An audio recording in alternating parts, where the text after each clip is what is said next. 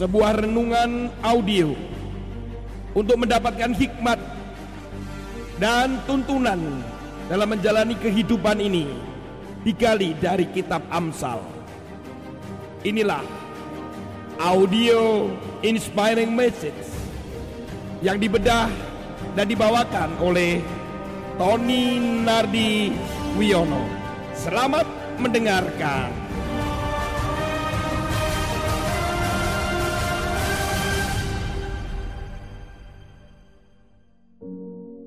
Shalom Bapak Ibu sekalian saudara kasih dalam Tuhan.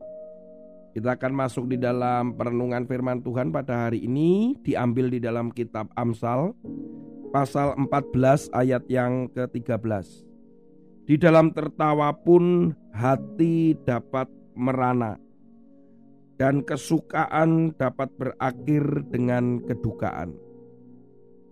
Saudara kekasih di dalam Tuhan Ayat ini berbicara bahwa manusia kadang tidak bisa tahu keadaan di dalam hati orang lain. Ketika bertemu dengan orang lain, mereka dalam tawa, mereka di dalam senyumnya, kita tidak pernah tahu. Siapa tahu di dalam hatinya ada duka, sedang menderita, sedang dalam masalah. Bahkan apa yang ditunjukkan di dalam sukacitanya sepertinya bahagianya begitu ternyata berakhir di dalam kedukaan. Dunia ini berusaha memberikan penghiburan demi penghiburan supaya manusia itu bahagia, Saudara. Di tahun 2021 ini tetap saja dikeluarkan sebuah indeks kebahagiaan di tengah pandemik, di tengah kondisi resesi ekonomi yang parah ya. Tapi ternyata diusahakan tetap negara mana yang memiliki indeks kebahagiaan paling tinggi. Cuman kali ini akan sedikit berbeda karena para surveyor atau yang melakukan survei tidak bisa bertemu dengan orang secara langsung tetapi melalui tidak langsung bisa dalam email, bisa calling, telepon gitu. Dan di dalam report yang dikeluarkan oleh World Happiness Report milik United Nation di tahun 2021 ini dikeluarkan negara paling bahagia. Saudara ya, negara paling bahagia. Negara paling bahagia adalah Finlandia Finlandia ini menempati negara paling berbahagia empat kali, saudara, atau empat tahun berturut-turut. Belum ada yang bisa menggeser. Dan ini menarik sekali karena pengukurannya dilakukan oleh Galup. Galup ini satu organisasi, sebuah bisnis juga lah berkenaan dengan data-data statistik, survei yang ada di dunia. Jadi saudara kalau membuka website cari Galup G A L L U P ya Galup. Nah, gitu berapa ibu akan tahu ada banyak survei di situ. Nah, karena dia adalah lembaga yang terpercaya untuk melakukan survei dunia, maka digandeng oleh United Nations. Yang menjadi indikator dari Gallup World Pool itu adalah tiga. Yang pertama dia menyebutkan tentang life evaluation, kemudian positive emotion, kemudian yang ketiga adalah tentang negatif emotion.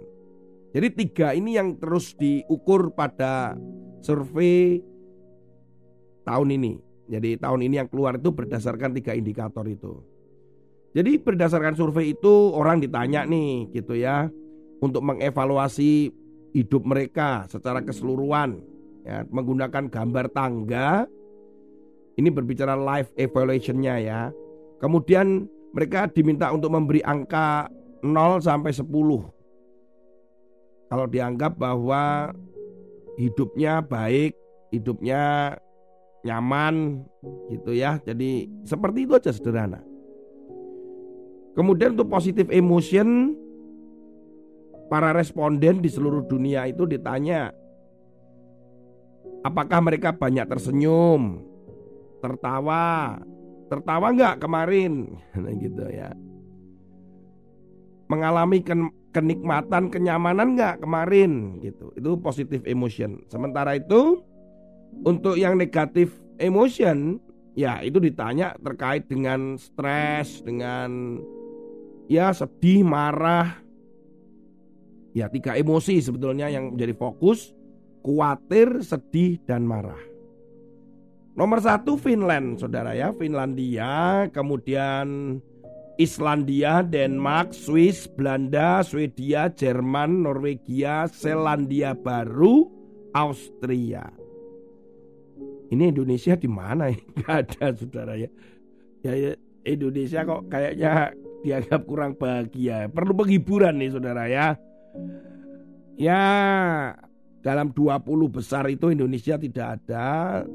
Negara-negara Asia cuman ada ya ada satu yaitu Taiwan. Taiwan itu pun nomor 19. Saudara, kebahagiaan bisa diukur tetapi kita pernah tahu bahwa kebahagiaan sejati tidak bisa diukur dari hanya sekedar pengukuran yang dilakukan oleh Galup. Evaluasi hidup, emosi positif, emosi negatif. Dalam hati nggak ada yang tahu, saudara. Ketika saudara dan saya mengalami kesedihan, ketika saudara mengalami tekanan dan penderitaan, siapa penghibur saudara? Manusia mencari penghiburan, dunia menyediakannya. Berbagai-bagai cara. Dari clubbing, dari tempat wisata yang begitu indah, nyaman dengan fasilitas. Bahkan hal-hal yang negatif pun seperti obat-obatan yang membuat fly, membuat sedikit melupakan permasalahan, berhalusinasi, semua itu orang mencari kebahagiaan. Dan ketika mengalami masalah mencari penghiburan. Saudara saya membaca dari kitab Ayub. Ayub ini sampai marah saudara ya, jengkel dengan sahabat-sahabatnya itu waduh. Karena sahabat-sahabatnya mencoba menghibur dia di dalam penderitaan yang bertubi-tubi yang dia alami sampai akhirnya Ayub ini marah saudara. Kita lihat Ayub pasal yang ke-16. Ayat yang pertama. Tetapi Ayub menjawab, Hal seperti itu telah acap kali ku dengar. Wah ini penghibur sialan kamu semua. Jadi ketika sahabat-sahabat itu mencoba menghibur Ayub itu dikatakan sialan gitu penghibur sialan. Belum habiskah omong kosong itu? Apa yang merangsang engkau untuk menyanggah? Aku dapat berbicara seperti kamu, sekiranya kamu pada tempatku. Aku akan menggubah kata-kata indah terhadap kamu dan menggeleng-gelengkan kepala atas kamu. Aku akan menguatkan hatimu dengan mulut dan tidak menahan bibirku mengatakan belas kasihan. Ini Ayub itu dihubur oleh teman atau sahabatnya aja sudah nggak bisa. Dia nggak mengalami penghiburan itu. Saudara, siapa penghibur sejati? Pasti saudara bisa menjawab, Roh Kudus Pak Tony. Betul, memang Roh Kudus, the only one. Roh Kudus inilah yang disebut para kletos, inilah yang menjadi penghibur sejati kita, saudara. Saudara, dalam arti penghibur itu dari bahasa aslinya sebenarnya artinya itu lebih tepat ya karena didapat dalam kitab Injil Yohanes yang paling banyak. Secara harfiah itu berarti memanggil ke samping. Dan diartikan secara aktif itu bahwa seseorang yang menyertai dan memperingatkan atau memberi semangat. Dalam kata lain jadi penolong gitu ya dalam Yohanes 14 ayat 16 dan penghibur Yohanes 14 ayat 26, pasal 15 ayat 26, pasal 16 ayat 7. Jadi memang yang menyertai mengingatkan kita, memberikan semangat side by side karena memanggil di samping begitu. Kalau secara pasif arti daripada penghibur atau para kletos itu dipanggil untuk orang lain ya, dipanggil untuk membantu orang lain khususnya di pengadilan. Ya walaupun dalam kondisi seperti apa pun kawan itu salah lah, tertuduh lah, tapi mendampingi untuk memberikan kekuatan. Saudara, apakah benar selama ini Roh Kudus ini menghibur saudara dan menghibur saya? Di tengah kondisi yang seperti ini, ekonomi sakit, resesi di dunia yang menghantam luar biasa, Masihkah tetap kita bersuka cita? Yesus ini mengutus, mengirimkan Roh Kudus itu serius sekali, sudah. Karena Dia tahu bahwa kita akan mengalami masa-masa dan kondisi penderitaan. Yohanes 15 ayat 26 dikatakan, "Jikalau penghibur yang akan kuutus dari Bapa datang." Jadi memang penghibur itu datang dan diutus memang oleh Yesus. Dihiburkan dari apa? Pertanyaannya begitu. Ya dari kesukaran penderitaan.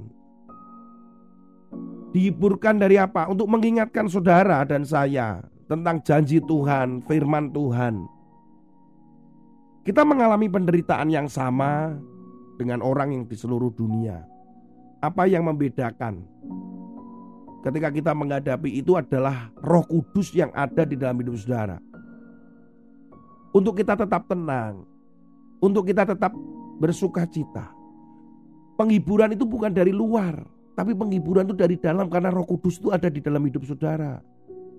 Yang dari luar, bayangkan aja Ayub tadi. Ketika teman-temannya, sahabatnya memberikan penghiburan, sampai Ayub berkata, "Sialan kamu semua penghiburan sialan." Aku juga bisa melakukan itu. Coba kamu ada di posisiku. Bisa nggak kamu akan mengatakan hal yang sama? Saudara kekasih di dalam Tuhan. Kita menghadapi masa-masa yang sama.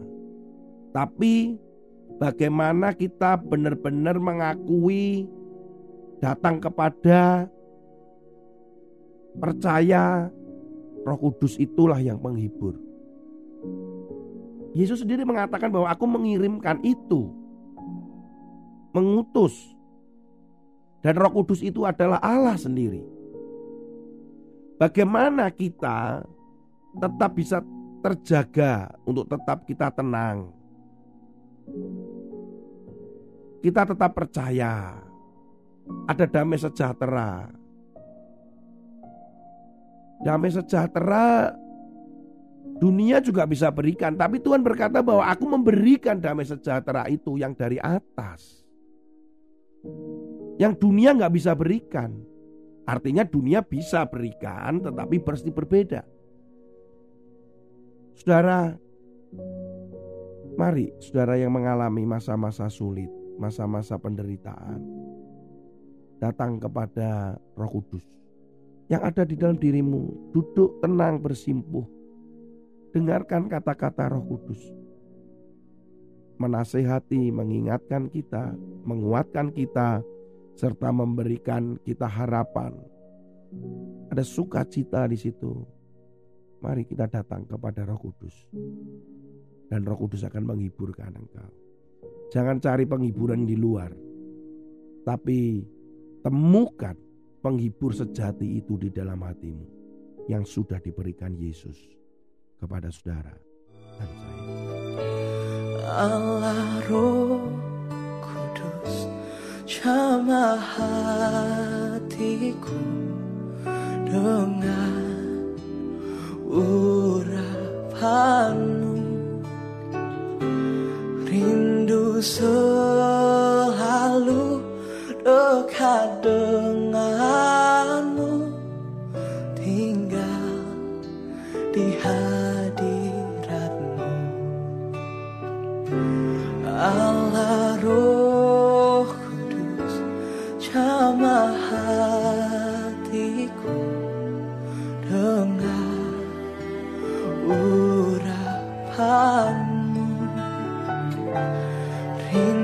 selalu dekat denganmu. Tinggal di hadiratmu. Rindu selalu